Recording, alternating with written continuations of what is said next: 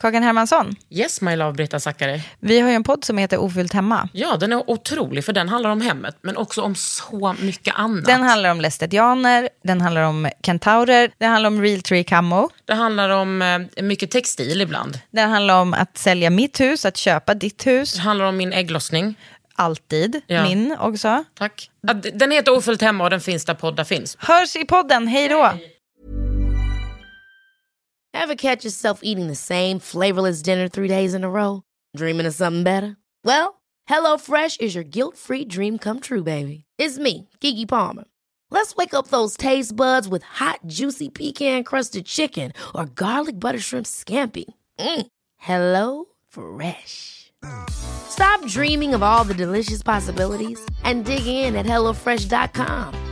Let's get this dinner party started.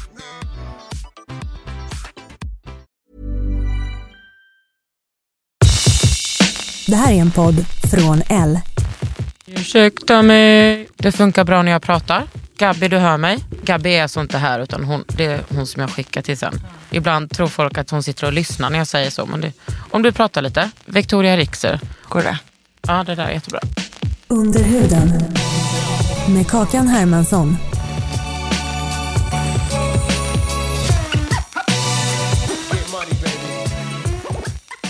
Nej, men jag tycker alltså det, var, det har varit så många års övning med att, att vara i strid typ.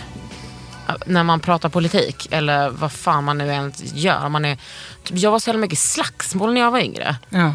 Eh, Så att då är det som att jag till slut märkte jag så här, vilket också var farligt, det var som ett varningstecken att jag inte fick adrenalinpåslag när jag eh, var i olika konfrontativa sammanhang. Men har det inte varit så för dig också?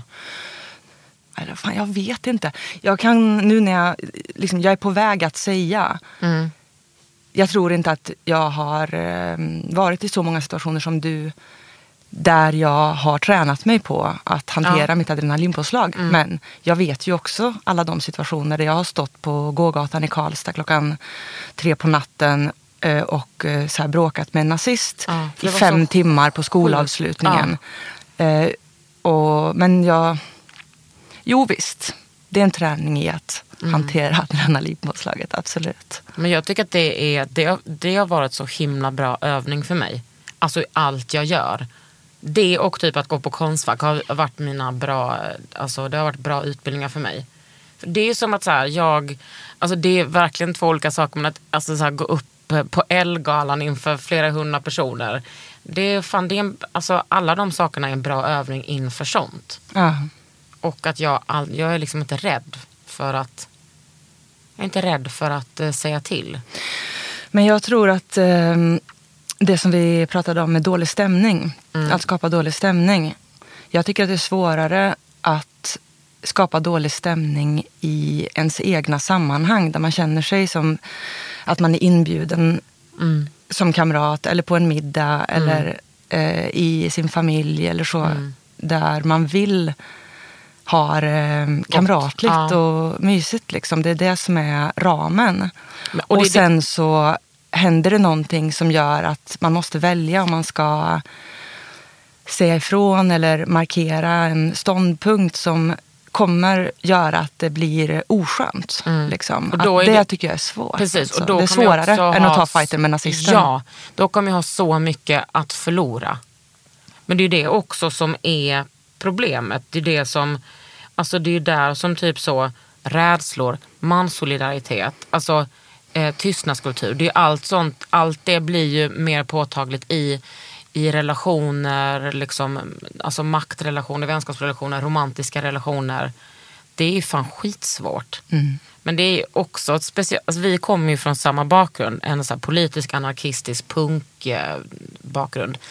Och där, det som formade mig där som jag tyckte var skönt att komma till, det var ju att alla tyckte likadant. Alla såg likadana ut. Och att folk, men du vet när man blev så här punkare, skaffade dread så kanske skötte sin hygien sämre. Då trodde ju folk att man bara ville sticka ut. Men jag har aldrig känt mig så hemma som i den scenen. Eh, Det handlade snarare om att sticka in, höll på så här. Nej, men att vara en, alltså en unity av några. Men det, det var ju också så. det var en, en väldigt homogen massa människor som tyckte samma sak. Ja, eller i alla fall att vi inte i tillräcklig utsträckning pratade om vad vi tyckte olika. För jag tror det fanns sådana olikheter. Och det kan vara så att det delvis var Alltså om vi tänker på den eh, politiska miljön som eh, vi var en del av på något sätt. Så att i den delen av den politiska miljön som vi befann oss, som mer drog åt punken, gör det själv-kulturen eh, och så, som handlar mycket om så här vi eh, reser omkring och skapar eh, festivaler eller vi... eh, Vi bor på en squat. och vi bor på en squat eller vi skapar en squat. Vi eh, skapar ett frirum som vi öppnar för allmänheten på något sätt som tidigare har varit stängt. Eller vi går på spelningar. Vi, det var kanske mer eh, liksom kulturell, alltså den var politisk men den drog åt det kulturella hållet. Om verkligen. jag tänker i jämförelse då med den mer antifascistiska liksom, och eh, kanske frihetligt eh, marxistiska liksom, delen av rörelsen som mer var så här, vi sitter på möten, vi organiserar EU-toppmötet i Göteborg 2001, protesterna, vi eh, där tror jag att sådana eh, diskussioner förekom i större utsträckning än Ja, gjorde precis. i vår del av miljön. Ja, precis. Men jag tror också att, alltså, jag var ju eh, inte politiskt aktiv i de kretsarna där vi sågs. För där var det ju snubbar och jag har ju aldrig varit politiskt med snubbar. Alltså aktiv, förutom på ABC. När jag har liksom, där var det några snubbar när vi var, alltså, där vi eh, höll på med fångkamp. Men eh, alltså, annars har jag ju bara jobbat po- politiskt med tjejer liksom. Vad roligt att du nämner ABC, för Ja. nu när vi sitter här och spelar in, då är det imorgon så ska vi ha öppet på Café 44 som ett efterhäng efter de här stora klimatstrejksdemonstrationen som ska vara Ah. imorgon när Greta Thunberg ska prata och så. Och Ah. då ska vi bland annat ha brevskrivning och då kommer ABC Raven och eh, håller i en brevskrivningsworkshop som Wow. skriver brev till fångar då. Klimatfångar och så. Coolt, alltså inhemska. Mm, och utländska. Ja, men alltså som i hela världen? Ja. Ja, ja, ja, fan vad coolt. Den kampen har ju varit lite outvecklad tyvärr i Sverige. Mm. Men den är fantastisk. Mm. Ja, ja, men nu sitter vi här Victoria Eriksen. Fan vad kul. Så himla bra ursäkt för mig att få hänga med dig. Ja, men jag kände också, jag är ju bara här för att jag vill vara med dig. Men nu ska du också få berätta om eh, din bok. Okej. Jag vill ju prata om, alltså jag vill prata om finnar i Sverige. Ja, kul. För du är halvfinne va? Ja, precis. Min pappa är från Finland och min mamma är från Karlstad, från Värmland. Wow, det är en riktigt bra blandning alltså. Ja, visst. Mm. Jag har en förkärlek för Värmland. Ja, Jag har ju varit så mycket i Gunnerska. I, alltså i, i byn utanför Arvika. Är det på grund av Hanna? Nej, hon är från Karlstad och Grums. Nej, men det är på grund av eh, att mina släktingar bor där. Min eh, farbror. Så där har jag varit. Det är så vackert. Men vad, alltså för att... Eh, visst är det så att finnar är liksom den största eh, invandrargruppen i Sverige?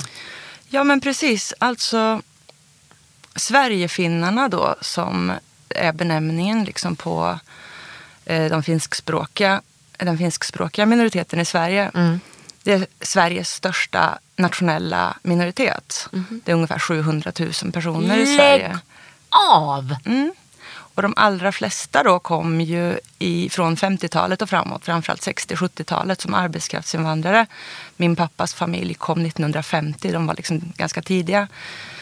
Men det var ju på den tiden som den svenska industrin liksom hade jättestort behov av arbetskraft och eh, ja, kom i bussar till eh, Finland. Och erbjudandet var liksom bättre arbetsvillkor, högre lön, kanske bättre chanser för barnen, du vet, eh, i framtiden. Så De åkte var- dit och bara, halloj. Ja, halloj. Hur lång tid hade man på sig då att packa ihop liksom? Oklart. När jag började intressera mig för det här så hade min farmor och farfar eh, tyvärr redan gått bort. Mm. Så det är så många frågor som jag skulle vilja ställa idag när jag har tillräckligt med kunskap för att Mm. kunna ställa de frågorna. Så är alltid. Som jag inte kan ställa till Lever er din pappa? Mm, det gör han. Och hur gammal var han när han kom hit då? Han var sex år, han skulle börja skolan. Mm. Men den sverigefinska minoriteten då är som sagt stor numerärt. Men det är inte skälet till att eh, man har nationell minoritetsstatus. Utan det är för att eh, finnarna har en lika lång historia i Sverige som Sverige har funnits. Alltså Sverige har inte funnits som land utan finnarna, utan det finska språket i Sverige. Ah. Så liksom hela Sverige som nation är byggt liksom med det finska språket i sig. Precis som Finland inte har funnits utan det svenska språket i sig. Alltså i Finland så är ju svenska och finska officiella språk båda Ja. två. För att Sverige och Finland ju eh, under jättelång tid, typ 800 år, var samma land. Ja. Och sen förlorade Sverige Finland till Ryssland år 1809. Och eh, då är det svenska språket eh, en, i Finland då en, eh, ja, det finns fortfarande en rest av det i Finland. 300 000 personer ungefär i Finland pratar svenska. Och det är ju Alltså finlandssvenskarna. som sitt, eh, som sitt första som sitt språk. modersmål. Ja. Och lär man sig Lär man sig svenska som typ engelska, de andra finnarna? Eh, ja, de läser ju svenska som obligatoriskt språk i, svenskan, i, i skolan. Ja. Och de Mm. som pratar svenska som sitt första språk, de lär sig finska också. Eh, precis. Hur bra pratar de finska? Många pratar bra finska. Ja. Men Finland har ju i högre utsträckning än Sverige liksom tagit hänsyn till det arvet i sin språklagstiftning. Mm. Men vi har väl inte vi har ju väl ingen språklagstiftning alls? Ja, kommer det som är, det är liksom att de nationella minoriteterna då. Vi har, I Sverige finns det fem nationella minoriteter. Ja. Det är Sverigefinnarna, det är urfolket samerna, det är tornedalingarna, romerna och judarna. Och alla de grupperna skyddas av minoritetslagstiftningen. Och när kom den lagen? Ja, den kom runt millennieskiftet och sen så har den eh, förbättrats i två, eller liksom skärpts i två, eller ja, ett, några steg. Det är rätt sent. Ja, absolut. Men senast nu då i januari så har det kommit skärpt lagstiftning. Men den lagen ska liksom garantera de nationella minoriteternas rätt att bevara och utveckla sin kultur och sina språk. Och hur, hur kan en sån lag, alltså hur skyddas? Fattar du vad jag menar? Jag fattar vad du Hur menar. ser den lagen ut? Ja. Vad går den ut på? Nej, men den går ut på då till exempel att eh, i eh, kontakten med myndigheter, så ska man, i, när det kommer till, om vi pratar om Sverigefinnarna då, så funkar lagen. Sverige har liksom fått kritik av Europarådet eh, och FN för att man inte följer sin, den här lagstiftningen. Som är en internationell lagstiftning. Liksom. Utan att man bryter mot den och, inte, och misslyckas då med att garantera minoriteterna eh, möjligheten att utöva den här rätten till att använda och utveckla sitt eget språk. Eh, och bland annat kan det då handla om i kontakten med myndigheter. Att man ska kunna prata sitt eh, modersmål, alltså finska språket, i kontakten med myndigheter. Man ska ha rätt till barnomsorg och äldreomsorg på sitt minoritetsspråk. Precis, det finns väl något sånt finskt ålderdomshem till exempel. Ja visst, det finns sådana. I Sverige idag så är det så att om man eh, tillhör den sverigefinska minoriteten till exempel, då ska man informeras om att man har rätt att välja att läsa finska istället för moderna språk i grundskolan. Alltså som tyska och franska typ. Ja, visst. Men det misslyckades. Eh, Skolinspektionen gjorde en eh, granskning alldeles nyligen nu och den visade att 22 av 25 granskade kommuner misslyckades med det. Alltså de informerade inte om den rätten. Nej. Så det, och det finns så många exempel på ja, men hur eh, kommuner och andra aktörer fuckar upp. Liksom. Ja. Inte Men- gör det här. Hade du det som hemspråk när du var liten? Nej, nej, nej. Alltså det här var ju totalt, eh, en totalt obefintlig fråga i vår eh, familj. För hos oss var det ju så att pappa, som sagt då, kom som barn till Sverige. Han blev retad i skolan som så många andra Precis, för det är väl finskspråkiga. det som är grejen med att vara finne, att det är så jävla skamfyllt. Ja. Och ehm, Man är ingen exotisk italienare. nej, de blev säkert eh, mobbade många av dem också i Ja. skolan som eh, svartskallar och invandrare. Som invandrargrupper tenderar att bli. Liksom. Nej, men han uppfattade liksom det här finska arvet som eh, någonting, liksom en black om foten. Han var ju liksom inställd på eh, ganska tidigt tror jag att liksom göra en klassresa. Så här, att lämna det som var så här Ja, båda hans föräldrar hade arbetaryrken. Du vet, farfar var metallarbetare och farmor jobbade inom vården. Eh, och han var inställd på att lämna liksom den så här, eh, arbetarklassidentiteten på något vis. Så här, som han uppfattade som en så här, mössan i hand-grej. Liksom. Alltså, att behöva tacka och säga förlåt och sådär. Han ville vara liksom stark och fri och leva gott som en svensk. Då, typ. Men Eh, så han, och, och, och det han tror jag uppfattade att han behövde göra var att lämna det här finska bakom sig. Så han, eh, ja men du vet, han gick ur skolan, han tog sig in på Uppsala universitet och tog så här dubbelexamen som första akademiker liksom i sin familj. Men uppmuntrade hans eh, föräldrar honom till det? Ehm, ja, jag tror aldrig, han har sagt att han tror att farfar liksom aldrig förstod den grejen. När pappa tog examen vet jag att han skrev brev till farfar och berättade liksom att eh, han snart skulle ta examen och att eh, hans föräldrars familjer brukade samlas liksom i, till någon slags eh, ja, högtidlig hållande av det. Och att pappa ville att de skulle samlas i familjen och äta en middag liksom i all enkelhet men för att Ja. uppmärksamma det här. Men att han aldrig fick något svar på det brevet och så. Men jag tror att han hade stöd av farmor som också eh, förstod liksom den längtan han hade på något vis. Men vad hade han för relation till liksom, det finska arvet, kulturet, äh, kulturen och språket? Alltså, pratade de finska hemma? Nej, de, de försökte verkligen assimil- assimileras. Liksom. Och det var ju det som var den svenska officiella liksom, hållningen i språkfrågan och så under väldigt lång tid. Att om man eh, inte... Alltså om man är flerspråkig så kommer man bli, det kommer betyda att man blir halvspråkig som barn. Att det är viktigt, liksom, om barnen inte får lära sig svenska kommer de, alltså, och använda enbart svenska så kommer de aldrig att kunna ta sig in i det svenska samhället. Så de pratade, pappa minns det som att det blev som en tystnad hemma. Liksom. Att de försökte använda svenskan som huvudspråk fast de kunde ju liksom inte svenska. Så då hoppar de bara över finskan? Ja, men jag tror inte att det är, det är så han minns det. Jag har svårt att tro att man i en familj från dag ett agerar så. Men det är så han minns det. Att en tystnad liksom bredde ut sig. Pratar han finska nu? Nu har ju han återtagit det här med full Ah. Kraft, verkligen. Alltså han har gift om sig med en finsk kvinna, de pratar bara finska, de dansar tango, de arrangerar tangofestivaler, Men de gud, åker till så tangomarknaden Seinäjoki i Finland. Och, Nej. och nu har han verkligen återtagit det med full kraft alltså. Fan vad fint. Men när jag och mina syskon var små, då eh, var det verkligen inte så. Alltså, det kom inte på tal att vi skulle läsa, eh, ha hemspråksundervisning eller sådär. Verkligen inte. Och hur var det med liksom, eh, traditioner? Åt ni någon memma? Vi åt faktiskt memma. Ja. Vi åt memma. Jag är så glad för det. Jag älskar memma. Det är en så, eh, vad ska man säga, acquired taste. Liksom. Ja, det är verkligen. inte för, för vem som helst. Man, det ser ut som chokladpudding och så äter man det. Så är det, Det är det liksom verkligen en inte chokladpudding. råg... Eh, Ja. mm, så, Med mjölk den- eller grädde? Ja, grädde brukar jag äta. Det har jag ätit grädde. hemma hos eh, en vårdtagare faktiskt som bjöd mig på. Som var finsk. Aha. Eh, som jag lärde mig mycket av. Men det höll ni på med det där också? Odla gräs på påsken och ha så här chokladägg och... Ja, men är det en finsk grej? Att odla gräs på påsken ja. det är en finsk grej. Nej.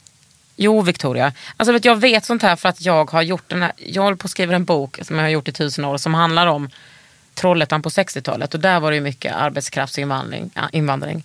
Och där så är en, en karaktär, eh, liksom, huvudkaraktärens bästa kompis är finsk. Och där har, är det liksom påsk och då är det liksom memma, det är odla en liten plätt med gräs, det är doppa äggen i choklad. Allt det där är finskt. Men det här med det lilla gräset, jag har inte tänkt på det sedan, sen 80-talet. Men jag minns det som att vi gjorde sånt typ i skolan eller någonting. Att man sådde en liten plätt. Nej, det gjorde Nu är jag ju från Skåne men det är, alltså jag har aldrig stött på det någon annanstans än i finska sammanhang. Okej, jag vet inte. Jag vet inte. Det blir till att ringa din far efter det här. Ja. Men pratar du finska nu? Nej, men igår började jag på en finska kurs, en kvällskurs på Finlandsinstitutet. Men alltså det var så himla... Alltså jag var helt slut när jag kom ut därifrån. Jag satt i en och en halv timme och jag trodde inte mina öron. Alltså det var som att så här, det var så svårt. Fan, är du inte arg? Kan du inte vara arg på din pappa att du inte fick det gratis?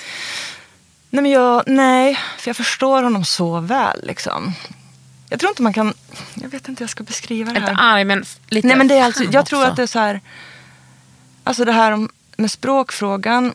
det är en så liksom smärtsam grej för folk som har förhindrats att prata sitt modersmål. Liksom. Jag vet inte om man... Jag vet inte om jag kan förstå det fullt ut heller, för det har inte hänt mig. Liksom. Det är ju andrahands... Jag har ju fått den kunskapen eh, genom min pappa. Liksom. Nej, jag är inte arg, för jag vet hur mycket smärta det har inneburit för honom att han mm. har förlorat det språket under en lång tid i sitt liv. Liksom, att det var, mm. gick förlorat. Och jag vet att det är en jätteglädje för honom att uh, han har återtagit det. Och jag vet att han är jätteglad att jag har uh, börjat intressera mig för de här frågorna och att mm. jag um, vill lära mig. Jag har inte berättat för honom att jag, att jag har börjat den här kursen. För jag vill ah. chocka oh. honom med att liksom tilltala honom på finska. Nej. Eh, Var bor han nu då? Han bor i Karlstad. Han bor kvar ja. i det huset där, ett av de husen då där jag växte upp. Alltså, ja. Vi gjorde ju en klassresa under min livstid kan man säga. Så var det ju så att jag föddes när pappa och mamma fortfarande pluggade i Uppsala och bodde i en liten lägenhet där. Liksom. Mm. Och sen så flyttade vi till Karlstad. Då bodde vi på Rud. Det är liksom ett... Eh, ja men så...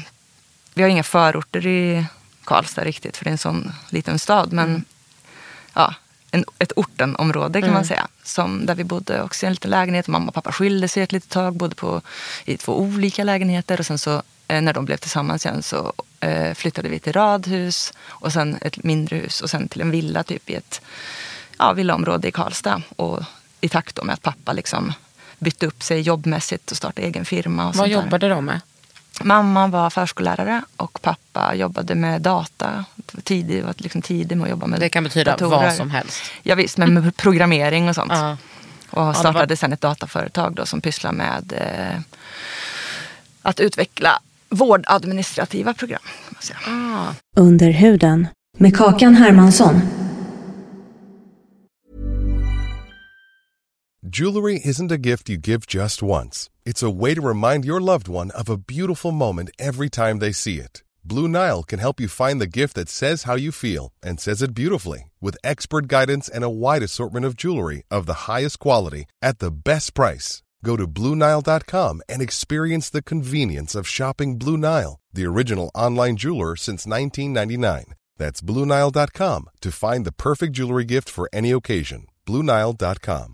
A lot can happen in three years, like a chatbot may be your new best friend. But what won't change? Needing health insurance. United Healthcare Tri Term Medical Plans, underwritten by Golden Rule Insurance Company, offer flexible, budget friendly coverage that lasts nearly three years in some states. Learn more at uh1.com. Men hur var det liksom, när du då var barn och växte upp i Karlstad, fanns det någon slags finsk, något finskt community där? Hade många finnar kommit till just Karlstad? Nej, inte till Karlstad men jag menar till, eh, till orterna, eh, bruksorterna liksom ja. utanför. Och, och, så fanns ju skogs, den skogsfinska eh, liksom, verkligheten i Nordvärmland. Alltså det finns ju...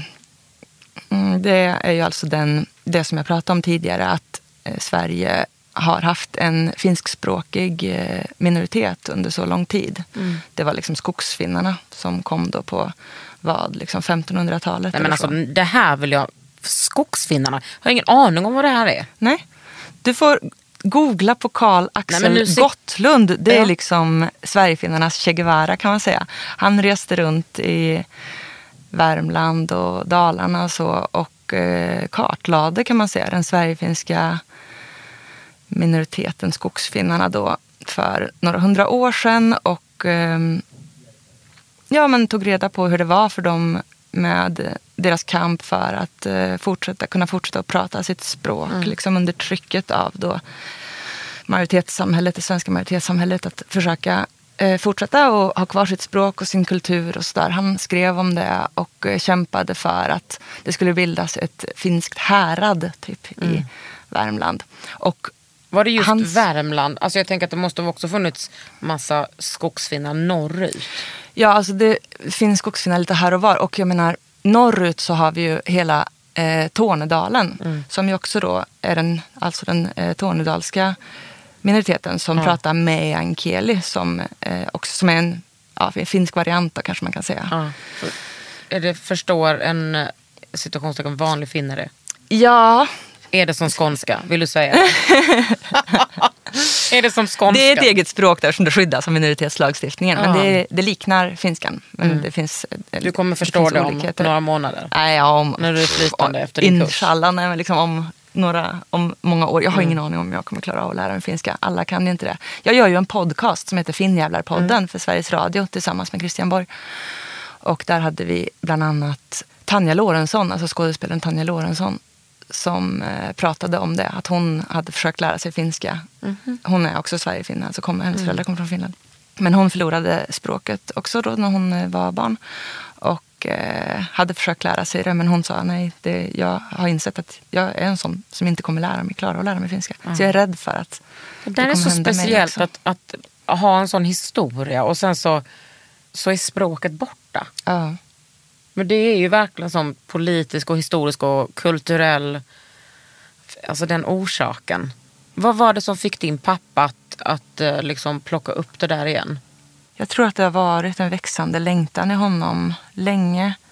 Och det kan säkert ha hängt ihop med att när eh, jag flyttade hemifrån så skilde sig han och mamma. Ja men sen, du vet när barnen har flugit ut och han eh, inte längre hade en svenskspråkig fru. Han träffade Kirsti då, som han lever med nu. Och kan prata finska med henne. Jag tror att det var en sån process. Och att han hade möjlighet att hitta tillbaka till någonting som han hade längtat efter. Men som hade varit svårt för honom tidigare att reclaima då. Mm, men är det tydligt för honom att han har så här, hittat tillbaka till sin identitet? Han har alltid pratat om finskan som sitt känslospråk. Så jag tror att det är att han har hittat tillbaka till liksom ett, ett känsloliv som har varit avstängt under lång tid. Både på grund av mm, att han inte har kunnat prata sitt modersmål eller kunnat eller ve- valt det. Och för att han under en lång period eh, hade ett alkohol och blandmissbruk liksom, som också förstås påverkar känslolivet på ett ganska avgörande sätt. Eh, som han nu är nykter ifrån sedan många år. Jättemånga år. Skönt. Så, eh, Men jag tänker om man, om man kan gruppera vad det finns för slags f- eh, finsvenskar eller vad det heter. Sverigefinnar heter det. Ja. Förlåt. alltså, men det, det kom ju också, jag kommer ihåg det, det första som jag eh, liksom blev matad med hemifrån. Det var ju barnen som kom. Alltså under andra- Krigsbarnen. krigsbarnen. För det kommer jag ihåg att min farfar var liksom med och ta emot Aha. eh, i Vänersborg eller någonstans i Västergötland. Ja. De barnen måste ju ha, har du koll på det? Ja, alltså Anna Takkanen eh, som var riks... Nu ska vi se, stats, hon var teaterchef tidigare. Hon har skrivit en jättefin bok om sin pappa som kom som krigsbarn precis. Sörjen som blev heter den. Den kan man läsa om man är intresserad av de finska krigsbarnens eh, öde. För de kom under kriget till Sverige. Mm, det var liksom eh, en del av eh, den här Finland sakar vår. Liksom Sverige skulle försöka hjälpa Finland på olika sätt. Och ett sätt som man då försökte hjälpa på var att ta emot en stor mängd små barn från Finland för att de skulle slippa kriget. Och det var ju en tanke som var fin men i många fall så ledde ju det till tyvärr liksom en, ja, så här svåra tragedier för familjer som splittrades och barn som tappade kontakten med sina eh, föräldrar. Alltså det låter, sånt. så, det låter ju verkligen så barmhärtigt. Liksom, att goda människor skulle ta hand om... Men fy fan, jag kan inte tänka mig något värre. Men det, ja, precis. det finns också exempel på barn. Alltså det fanns barn som det också förstås fungerade Ja, bra såklart. för. Men, Men jag menar, var, var det meningen då? Var strategin att de skulle vara i Sverige och sen när kriget var slut skulle de komma tillbaks? Ja, det var idén. Men man hade ingen riktig plan för hur det där skulle se ut. Och man visste väl heller inte längre alltså hur länge kriget skulle pågå och sånt där. Nej. Och när kom de här barnen? Vilket år? Ja, vinterkriget pågick ju från 39 va? till vinter och fortsättningskriget liksom från 39 till vad, 45 eller någonting sånt. Så de kom väl från 39 och framåt. Men hade de liksom någon plan på hur de skulle komma tillbaks? Eller var det bara liksom ett snöre r- runt halsen med liksom en namnlapp eller? Ja, det var ju namnlappar, men det var nog inte bara det. Jag, det fanns liksom en idé som sagt om att de skulle komma tillbaka, men det fanns ingen utvecklad eh, plan för det, som jag har förstått det.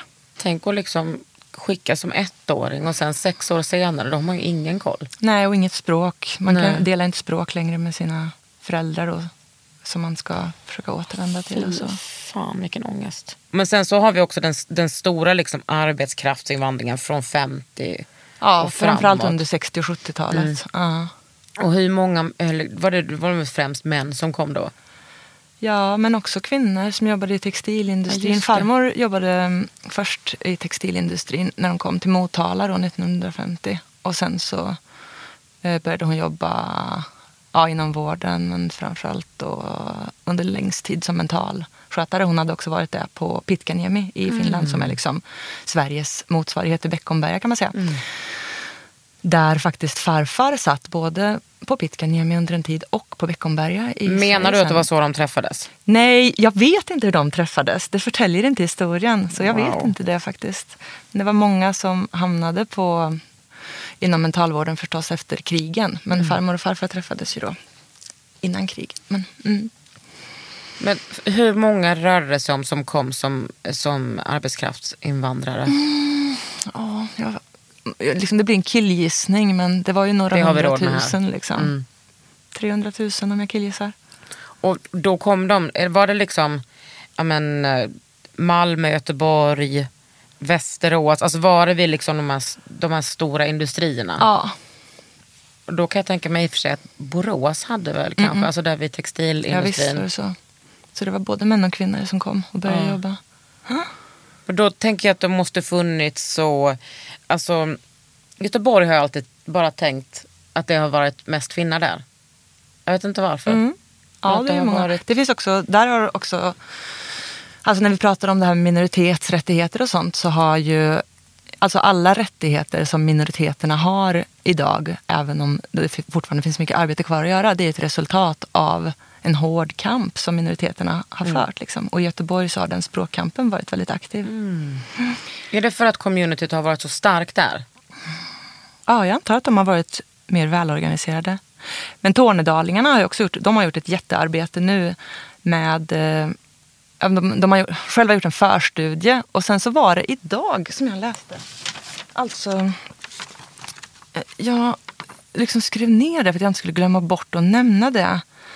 Men det var alltså att nu i morse så kom det besked om att regeringen tillsätter en sannings och försoningskommission för att utreda övergreppen då som eh, tornedalingarna har varit utsatta för, som alltså skallmätningar då framförallt och eh, förbud mot att tala finska i skolan och sådär.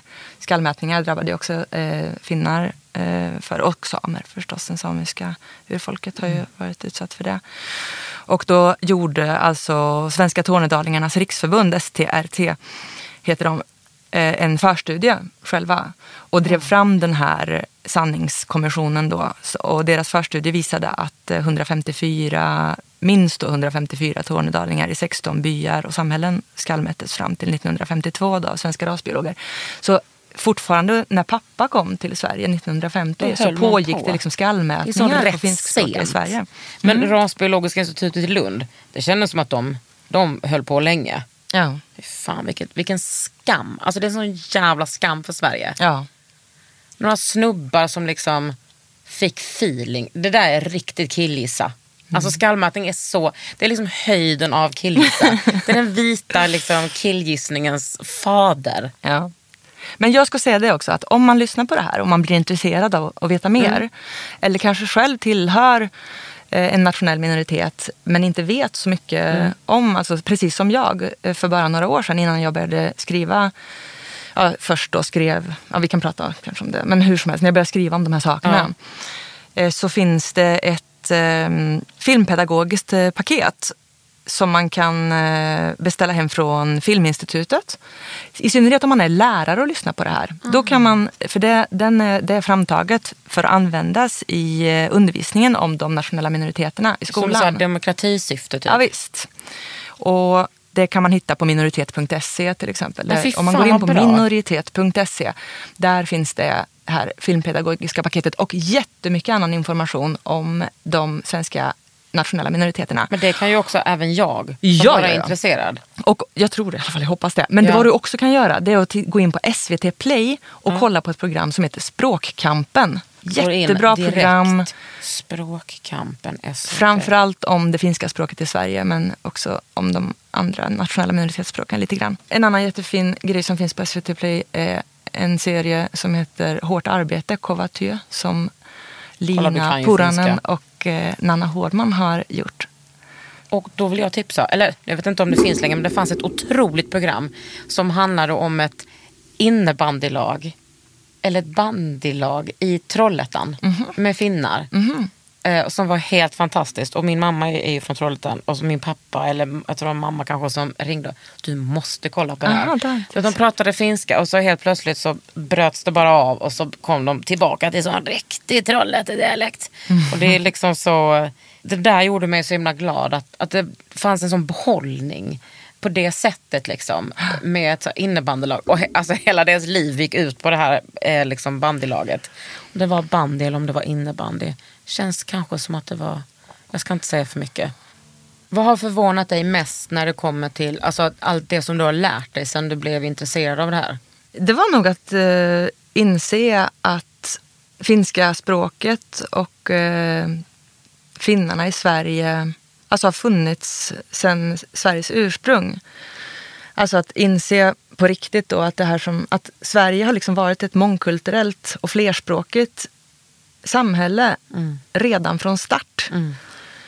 Och att den insikten, det är ett mysterium för mig att vi inte använder oss i högre utsträckning av den insikten idag. När nya grupper kommer till Sverige som drabbas av samma typ av diskriminering och förtryck liksom, som Eh, minoriteter har gjort i Sverige sen start. Liksom. Alltså, vi har så mycket lärdomar som vi skulle kunna dra av det som vi vet vad som inte gick bra med Sverigefinnarna. Eh, alltså hela idén om assimilering. Det var skitdåligt. Forskningen, liksom, länge trodde man att man eh, skulle bli utanför samhället och eh, liksom inte klara sig om man inte blev enspråkig. Och sen så visade forskningen redan på helt 70-talet tvärtom. att det var fel. Om ett barn har en stark relation till sitt modersmål och till den kultur man har med sig hemifrån så lyckas man bättre i skolan och senare i livet. Redan på 70-talet visades det. Så varför, liksom, nu kommer de här tankarna tillbaka i politiken. Om ett land, ett språk, ett folk. Liksom. Men liksom, hallå, gör läxan typ. Det, det är inte så helt enkelt. Och Nej, och- Sverige har aldrig varit Nej, ett eh, samhälle som bara har bestått av eh, svenskar Nej men också och bara, svenska hallå språket. det är lite för sent. Ja, ja, ja. Alltså- Alltså, det har aldrig varit Nej, tid. men det, har liksom all, nej, precis, det har aldrig varit aktuellt.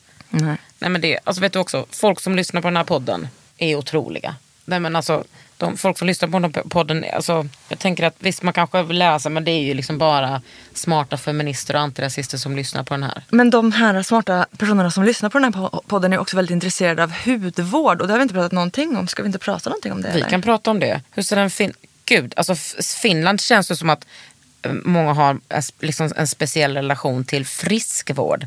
Med bastun och sådär. Ja. Och nej. du bara, måste jag representera Alltså jag det? älskar bastu. Jag var ju i Malmö alldeles nyligen och, och badade och var på, Kallis. Ja, ja, ja. Fy Fan vad gött. Bästa stället. Men om- Också om vi pratar om feminism så var det liksom, jag minns på, jag pluggade i Lund på 90-talet och eh, bodde i Malmö. Och första gången jag var på Kallis, när man låg där liksom naken bland så här, vet. drösvis med andra nakna kvinnokroppar. Ja. Och bara, ja just det, så här liksom ser Exakt. en människa ut. Jag Helt ett kapitel olika. i min bok om det. Ah. Att det är liksom fri, alltså fri platsen på jorden, fri, det här, vad heter det? Frizonen. Nej men också uppfattar jag eh, att liksom queersen i Malmö har gjort ett så jävla bra jobb med Kallis. Att de har öppnat upp det så att liksom ens kompisar som är intergender eller liksom är lite trans eller att man är lite hit och dit.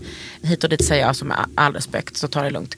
Eh, att man har öppnat upp för det. Att det behöver inte vara att man kanske tar en tvåköns eh, system i uppdelningen på vem som kan gå dit. Och jag tror också typ så här, måndagar kan, alltså att är det lite mer blandat. Nej men det är livet. Ja. Att förstå att alla inte ser ut som Victoria's Secrets. Victoria Precis. Rexer. Nej men att man liksom, alla har inte eh, liksom eh, såna tonårsbröst och rakad fitta. Men folk har också det. Ja. Men att det, alltså det, är min, alltså det är min bästa plats. Mm. ja, den är fin. Där har jag haft, alltså att ligga och lyssna där är, som, det är den bästa podden någonsin. Men jag fick lite, eh, jag kom in i bastun och så var det någon slags sån här tysthetsbastu. Ja. Man skulle liksom meditera över, sitta och titta ut över ha, havet och meditera typ. Där har jag ju aldrig varit tyst. Alltså, nej okej, för jag blev hyschad och jag, eh, hade, jag satt där inne och bara en, två, tre, men bara var tvungen att lämna för Men det finns, alltså det, att jag det, inte stod ut med ja, men, precis, men där är det också så. Jag är inte de, så meditativ. de damerna som har gått dit varje dag sen typ öppnade. Alltså det är ju deras eh, plats. Liksom det är ju deras eh, grej. En gång satte jag mig, alltså jag har blivit hyschad där hur många gånger som helst. En gång satte jag mig, liksom, det finns ju som en bänk precis framför fönstret. Och den bänken är ju till för att sitta på. Satte jag mig där, då sa jag inte allt. Jaha, och där rök min utsikt. Jag bara, men alltså, jag får ju sitta här. Det är ju liksom det bastun är till för. Ja, ja, ja. Ja men där, hudvården Okej, men i alla fall. bastu, vi kan ju inte liksom bara prata om bastu. inte hud- Ja, men precis, hudvård. Hudvård, du är ju min sugar mommy. Ja, Eller hur? det är jag. På hudvård. Jag vet ju, min hudvårdsrutin sträckte ju sig till typ att så här, skrubba mig med kaffesump. Det tycker jag fortfarande är en jättefantastisk sak. Alltså, Vadå, tog du bara kaffesump? ja, men, ja, precis. Kaffesump. Allra helst så ska man ju vara kanske vid en sjö eller någonting så att man liksom kan skvätta. För det blir ju liksom sörjigt va. Ja. Men om man inte är vid en sjö eller, eh, och inte har en bastu att först vara i och sen gå ut till sjön och så skrubba sig med kaffesump. Då kan man ju också göra det hemma i sitt badkar. Ja. Eller i sin dusch. Och det gör jag. Men då får man ju städa ordentligt efteråt. Ja, det men det jobbigt. som är underbart med kaffesump det är att så här, om man skrubbar sig riktigt hårdhänt med kaffesump.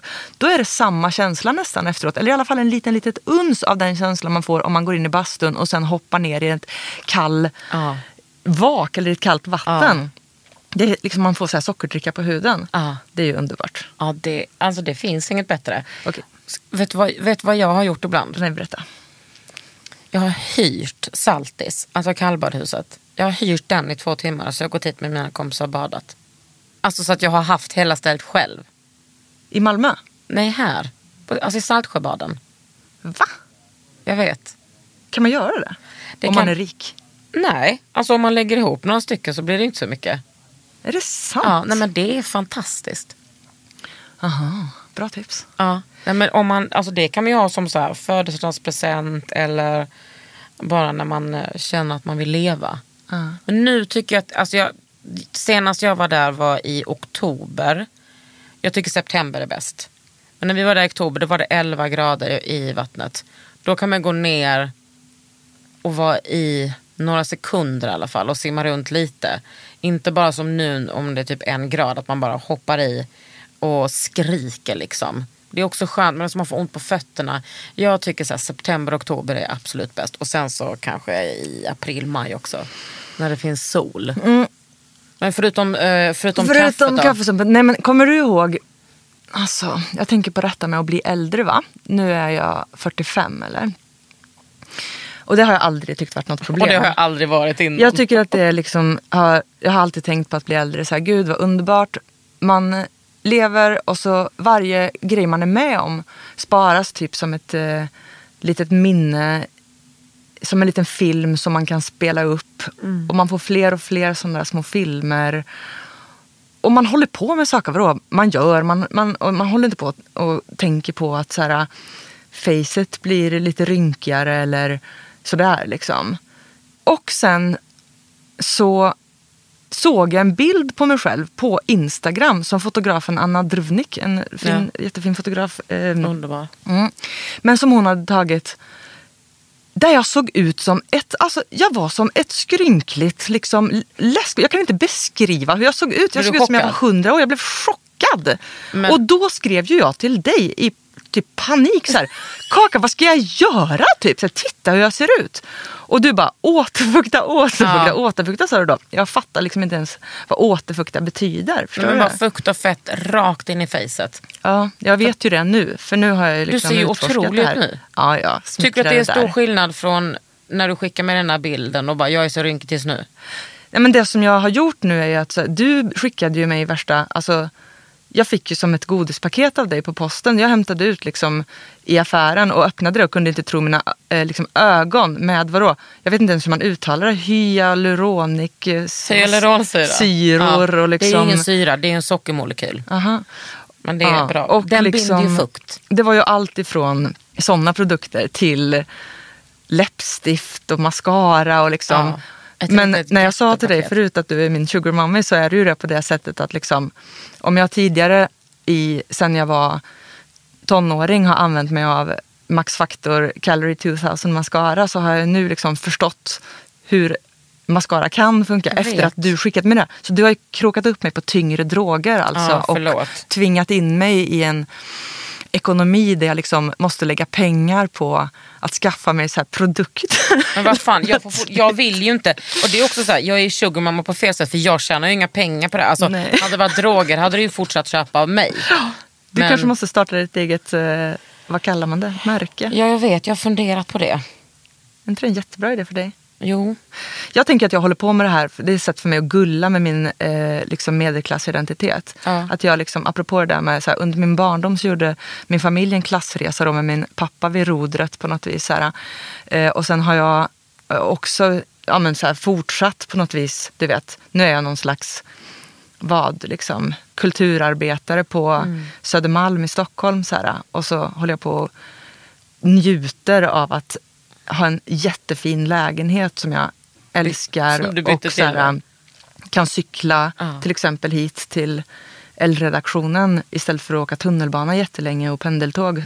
Men tycker Jag har ju bott, du vet ju, jag har ju liksom bott i små stugor Ja, utan herregud. rinnande vatten. Och liksom, när jag blev gravid med mitt barn som nu är 17 år, då bodde jag ju liksom i en Merca-buss som jag hade byggt själv. Och Var så här, stod den någonstans?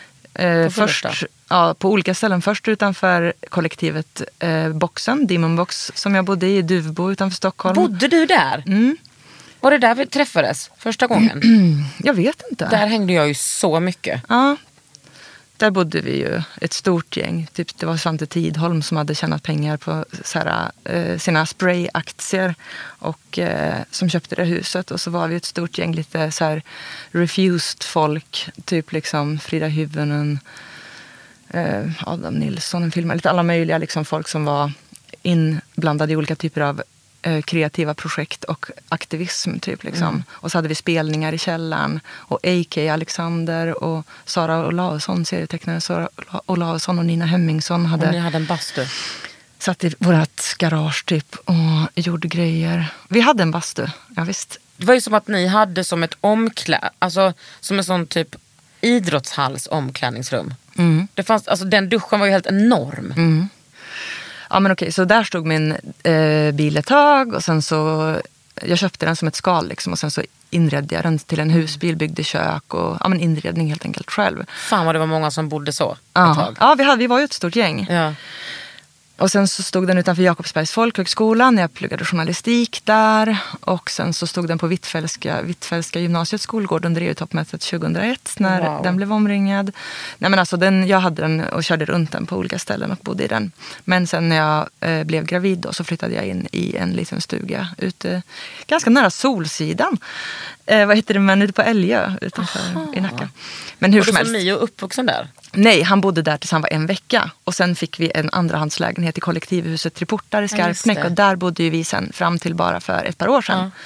Och då så bytte vi vår hyresrätt där, stora hyresrätt i Triportar mot en mindre lägenhet inne på Söder då, då, Mm. i Stockholm. Hur som helst, där bor jag nu och håller på och gullar med min medelklassidentitet. Eh, bland Men har du annat då genom att ägna mig åt hudvård. Nej, det kan jag inte säga. Jag har ångest över andra saker, men inte över det. Ja, men jag vet inte om jag tycker att det är så jävla medelklass. Men alltså, man kan ju säga att eh, utgiften är ju absolut eh, alltså, ekonomiskt relaterad. Men jag tänker att, så här, att det är ganska klass klasslöst med jag vill säga att det är klasslöst att ta hand om sig själv på det sättet och ha det intresset. Men om jag kollar på min mamma till exempel, som är undersköterska, pensionär nu och blev sjukpensionär ett år tidigare än hon skulle sluta. Hon har ju liksom, alltså hon har ju aldrig haft, alltså hon har ju aldrig unnat sig sånt. Nu får hon ju liksom, jag vill ju att hon ska få mina bästa krämer, jag vill att hon ska liksom bara få allt hon vill ha. Så, jo, det är klart att det är klassrelaterat. Allt är ju klassrelaterat. Mm. Men, Men jag tror bara att så här, alltså jag är så för att ehm, ta hand om sig själv och varann. Alltså så här, den här världen är en så hård plats både strukturellt och alla de svårigheter som man är med om i ett liv på ett personligt plan. Alltså, jag har just nu en bror som har två barn som har drabbats av en Alltså han har tre barn varav två kommer dö ifrån, alltså vi kommer förlora två barn. De har drabbats av en superovanlig, obotlig och dödlig sjukdom som heter San Filippo. Eh, har båda, har två, av tre barn. Ja. Och eh, som vi håller på med nu. Och när vi ändå är inne på det då, så kan jag nämna att de har startat en föräldraförening. Den heter Krama era barn. Som eh, samlar pengar till forskningen för att hitta bromsmedicin eller botemedel vad för den är här den- sjukdomen. Och det kan man söka på på nätet. Och Krama era barn. Så kan man, Vad går den eh, sjukdomen ut på? Ja, men det är en inlagringssjukdom eh, kallas det. Alltså det är våra celler, i vanliga fall en frisk cell, gör sig av med slaggprodukter som kroppen samlar på sig. Men den här sjukdomen gör att cellerna inte gör det. De samlar på sig slaggprodukter och då går cellerna sönder och dör. Och så börjar det i hjärnan. Och normalt är det så att barnen utvecklas i, som vanligt fram till ungefär sex års ålder. Och sen så börjar man förlora sina förmågor. Alltså barnen förlorar sina förmågor, förlorar språket, förlorar minnet. Så går det på kroppen och sen på de inre organen, immunförsvaret. Och nu har eh, ja, brorsans äldsta barn då, som är 16, Mios kusin, mitt barns kusin. Hon har dubbelsidig lunginflammation nu och vårdas på intensiven på sjukhuset, ligger i respirator. Och vi vet inte om hon kommer att överleva nu. Så hur som helst med den här utläggningen så vill jag säga det att ett liv innehåller så många svårigheter och att i ett, en sån, eh, ett sånt liv och i ett sånt här samhälle så är det underbart alltså, att försöka ta hand om sig själv och varandra. Det tycker jag att du är så bra på. Kakan, alltså Ja. att verka i den andan. Eh, och Tack. det är ju eh, så här, Alltså, jag älskar att ta ett bad, du vet, jag älskar att, ja, här, alla sådana där saker. Ja. Det uppfattar jag verkligen inte som en klass, eh, som, som att gulla med någon medelklassidentitet, att göra den typen av grejer. Men däremot ska jag säga, jag älskar inte, jag lägger ju en söndagsmask nu för tiden. Gör du? Ja, ja, ja. underbart. Ibland lägger jag den på tisdagen istället för på söndagen. Men hur som helst, när jag sitter eller ligger där med min sheetmask i ansiktet, då känner jag så här, det kliar, det är obehagligt, Jag vet, jag det är inte härligt. Men det gör jag för att jag gullar med min medelklassidentitet. För att jag har köpt en härlig liten mask på nätet, typ med kanske så här bi gift och snigelslem och nu så har jag den i mitt face och jag går omkring här kanske har såna här so- sockor på fötterna med Åh, sån här peeling. peeling som snart kommer göra att mitt skinn på fötterna trillar av och så får jag så här baby feet typ. Där har jag tagit Den det till next level. grejer. Det Eh, Jag går på medicinsk eh, fotvård. Ja, gud vad underbart. Hos Det en kvinna vi som heter Gunilla här på Östermalm. Det är otroligt.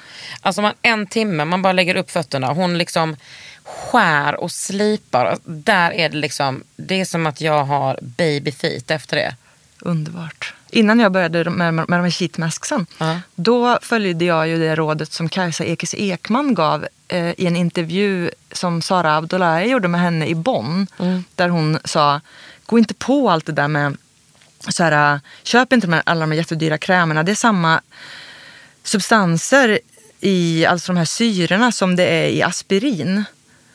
så då så, så här, eh, har jag gått till apoteket, köpt en eh, ask aspirin för så här 50 spänn. Och mosat. Och sen mosar jag två tabletter i handen med lite vatten och så lite honung. Gnugg, gnugg. Ja, och det har jag också i gjort. facet. Det tycker jag är rätt bra också. ja, men det, det kan också vara väldigt, man kan också skada hudbarriären. Varför? Ja, för att man kan liksom gnugga för hårt och hålla på. Men jag har också hållit på med den där grejen. Ja. Absolut. Men eh, Nu är du förbi det. Ja, jag tänker att de, så, de som är experter ska få hålla på med saker. Jag orkar inte göra det själv. Om jag Men- inte då ska göra en, en hudvårdslinje. Men jag tycker liksom att det är... Alltså jag tänker så här. Ibland blir, kan vi feminister bli typ blinda för ex, exakt hur mycket kvinnohat vi lever i. Och att så här, jag, jag vet inte om jag liksom har på, nå, någonsin påstått att det är feministiskt med hudvård. Men alltså, kan det bara få vara? Kan man bara få hålla på med sin fucking överlevnadsstrategi? Ja men för det är ju så, apropå det där med att det är en hård jävla värld. Det är liksom, vem, det är klart var och en av oss måste ju hitta sitt sätt att ehm, vara människa och ha det bra i den här världen. Vi har ett liv liksom. Och vem är någon att säga till en annan hur den ska klara sig Ja. igenom liksom. Verkligen. Nej. Hudvård, njut. Jag tror mitt teoretiska intresse är så mycket större än- mitt praktiska. Men jag går ju fortfarande igång på produkter. Alltså det kan ju pirra till. Typ. Jag och, eh, Det är så, jag det tycker jag är så ja, crazy. men jag. Karin och Emma liksom, som jobbar med Beauty på L, alltså vi kan typ Åh gud, har du sett det här budet? Att man liksom får rysningar. Åh gud, har du sett det här serumet? Det är helt otroligt. Åh gud. Ni har en fetisch. Ja, 100 procent. Ja, ja, ja. Lite som jag känner för skor kanske. Aha, du har skofetisch också. Gud, det har jag alltid haft. Alltså, jag trodde att det skulle gå över. Min mamma har också det. Nej men det är verkligen, eh, det är grejer det. Jag skulle vilja skaffa mig en fetisch. Jag tycker jag är för så här, äh, att man ska utveckla sin excentricitet. Ja. Liksom. Men tycker du inte att hudvård är det då? Jag kan kanske kan föda den fetischen. Nej, jag, jag vill inte ha hudvård som fetisch. Jag vill ha en, jag vill ha en freakigare fetisch i så fall. Vi får se när, när, när jag kommer utveckla Du, den. kan du komma tillbaka till podden och berätta om den? Finska är kanske din nya fetisch. Ja, men är den tillräckligt är den inte. excentrisk Det fetisch inte. verkligen? Jag tänker antingen att det kanske ska vara någonting i relation till så här, bakning och sånt. Jag har ju också ett café, du vet. Liksom, torpet i Orhem. Mm. Men det är inte öppet nu, ligger utanför Skarpnäck. Det är ett sommarkafé. Det Ja. öppnar till påsk. Ah. Mellan och sen påsk kör du och det? september. Ja, precis. Jag kör det här sommarkaféet som har blivit lite ett kulturcafé. För nu har jag ju byggt en sån här Mad Max containerscen där med stöd av Stockholms Just stad det. i förra sommaren. Som ska fyllas nu då med olika typer av kultur i sommar. Så ja men precis, då är jag ute i Orhem och bakar och typ gör sådana saker under sommarhalvåret. Och det är sen då min basinkomst under resten av året som gör att jag kan hålla på och göra lite vad jag vill. Och ta så här små påhugg, åka runt och snacka om eh, min bok och eh, göra podd och eh, sådana grejer. Men vad gör du just nu? Just nu, på vintern, okej, jag gör följande saker. Jag håller på och planerar för den nya fjärde säsongen av Finnjävlar-podden. Som ska börja spelas in. Vad ska ni under- avhandla för ämnen? Det, så långt har vi inte kommit än. Men den podden kretsar ju kring klass och identitet, språk och språklöshet, minne och historieskrivning och så. Det är de, den typen av frågor som vi är intresserade av. Och så utgår vi alltid från vår gästs personliga historia liksom, som, för att närma oss de ämnena. Okej, så jag håller på med det lite grann. Det är bidragssökningstid nu i början av året. Så jag håller på med bidragsansökningar till Kulturcontainern på Torpet och till en ny tvärminoritetspolitisk kulturförening som jag och några till har startat. Som ska eh, pyssla med ja, minoritetspolitiska frågor med konst som eh, liksom någon form av avantgardistisk konst som verktyg är det tänkt. Vi, men hur som helst, det är precis i startgroparna. Koma heter den föreningen, den håller vi på att söka bidrag till. Och sen så är jag engagerad i eh, Café 44s bokhandel Info som ligger på Söder i Stockholm som är ett eh, självstyrt och frihetligt kulturhus kan man säga som heter Kapsylen som består av flera olika föreningar och så är Bokhandeln Info en av dem. då. Så den jobbar jag med. Och ehm, vad gör jag mer? Jag ska åka på en liten... Eh, jag ska åka till Göteborg i samband med Sverigefinnarnas dag den 24 februari och prata om min bok och om de här frågorna som vi pratar om nu. Och så ska jag på en liten författarturné i Finland i mars. Och så gör jag lite uppdrag för Författarcentrum och så Författarcentrum Öst. Ja, men jag gör lite olika Grej, det grejer. rullar på Victoria. Det rullar på. Och sen så planerar jag för Torpet-säsongen då förstås. Som ju öppnar, då öppnar Torpet mitt café om Det är några så månader. mysigt. Ni måste åka dit och fika. Ja, det är så mysigt. Det har funnits sedan 40-talet. Du har inte haft Riktigt sedan old school. 40-talet. I wish. Nej, precis. Men jag har haft det ju fan länge nu, sen 2007. Men eh, åh, påsk säger du, då kan man ju komma dit och fika. Mm.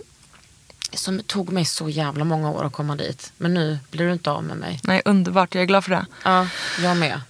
Jag känner ju alltid sån, som att jag bara vill ge dig så mycket saker och att jag misslyckas med det. Jag är ofta så stressad Men nu när har jag jag ju fått där. presenter. Ja, det var ju så att du skickade med det här paketet och så skulle jag betala tillbaka. Nej, men jag betala sluta. tillbaka Det genom ja, men så här, bjussa så. tillbaka genom att bara bomba dig och din familj med så här goda grejer. Och sen kom ni dit när det var jättemycket folk och jag liksom bara servade er i kassan, tog betalt som en idiot. Och sen när jag sprang ner på dass typ en halvtimme senare och insåg vad jag hade gjort, fick jag sån panik. Ja, Då kom, sprang jag ut, ni låg i typ hängmattan och göttade Ja. jag bara hade sån panna. Nej men vet du vad, du får släppa det där. Du får tänka på vilket överflöd jag lever i. Du måste förstå det Victoria. Jag, alltså jag kommer aldrig ge mig med det där. Nej. Jag har sånt problem med liksom att jag alltid, jag tror det hänger Det kan vara din nya fetisch. Att vara bara nöjd och glad och ta emot grejer. Det är svårt att ta emot mer än man ger. Men tänk så mycket du har gett mig. Du har liksom alltid varit den här coola äldre eh, personen som jag får hänga med. Du har lyssnat på Under huden med mig, Kakan Hermansson och Victoria Rixer. fan vad gött. Och din bok heter? Kriget, pappa. Ett tillförlitligt sifferminne. Åh, fint. Kan också läsa Finnjävlar-antologin. Den har, eh, är vi ett helt gäng som har skrivit i. Den är superinformativ. Och sen så kan man också den. lyssna på din podd på eh, Sveriges Radio. Ja, visst. Du har lyssnat på under huden med Kakan Hermansson. En podd från L.